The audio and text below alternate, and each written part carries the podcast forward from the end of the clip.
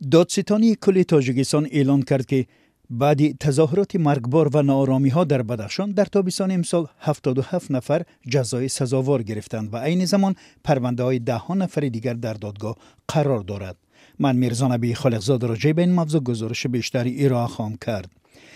منظور دادستانی از جزای سزاوار معلوم نیست اما بعد این حادثه ها ده ها نفر از جمله گنرال سابق نیروهای مرزبانی خالباش خالباشف و چند بلاگر بدخشانی به سالهای دراز زندان محکوم شدند.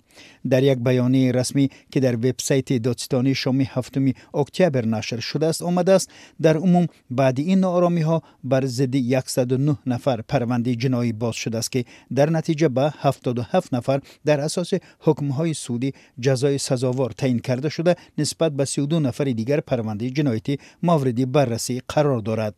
حامیان حقوق و نزدیکانشان می‌گویند دهان نفری که بعد این حادثه به سالهای طولانی زندان محکوم شدند گناه ندارند و برای حمایت از حقوق خود و ساکنان بدخشان صدا بلند کردند. بعد یک تظاهرات آلوده با خشونت در بدخشان حکومت تاجیکستان به خارو نیروهای مخصوص را فرستاد تا به گفته مقامات عملیات ضد تروریستی انجام دهند.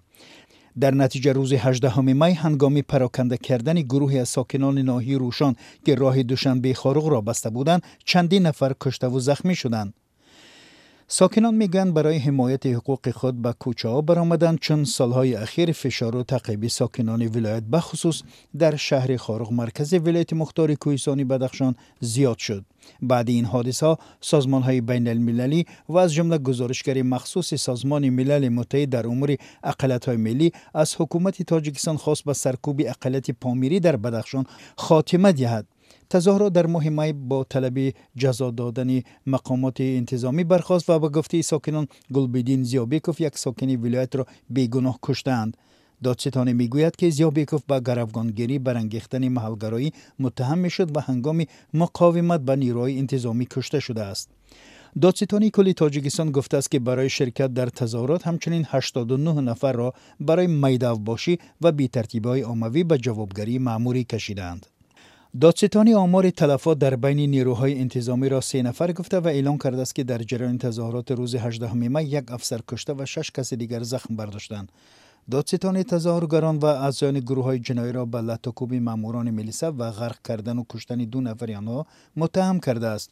دادستانی گفته است که در روزهای تظاهرات مرگبار در ناحیه روشان در روز 18 می در عموم 29 نفر عضو گروه های جنایی را بیزرر و یا محو کردند هرچند ساکنان ولایت از تلفات بیشتر در بین مردم گفتند به قول دادستانی هدف تظاهرگران و گروه های جنایی غصب حاکمیت بوده است.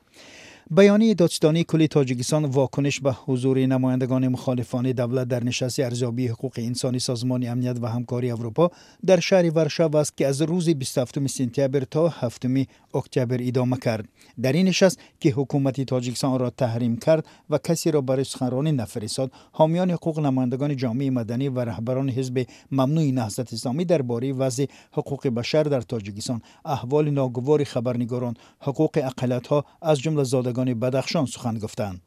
دادستان کل سخنرانی های مهدین کبیری رئیس حزب نهضت علیم شیرزمانوف یکی از رهبران پیمان ملی تاجیکستان نمایندگان گروه 24 یک سازمان دیگری مخالف دولت را به دروغ پراکنی و نشر اطلاعی غرضمندانه و با هدف بدنام ساختن تاجیکستان متهم کرده و مهدین کبیری و علیم شیرزمانوف را از طرح ریزان تظاهرات نارامی در بهار و تابستان امسال در بدخشان نامیده است.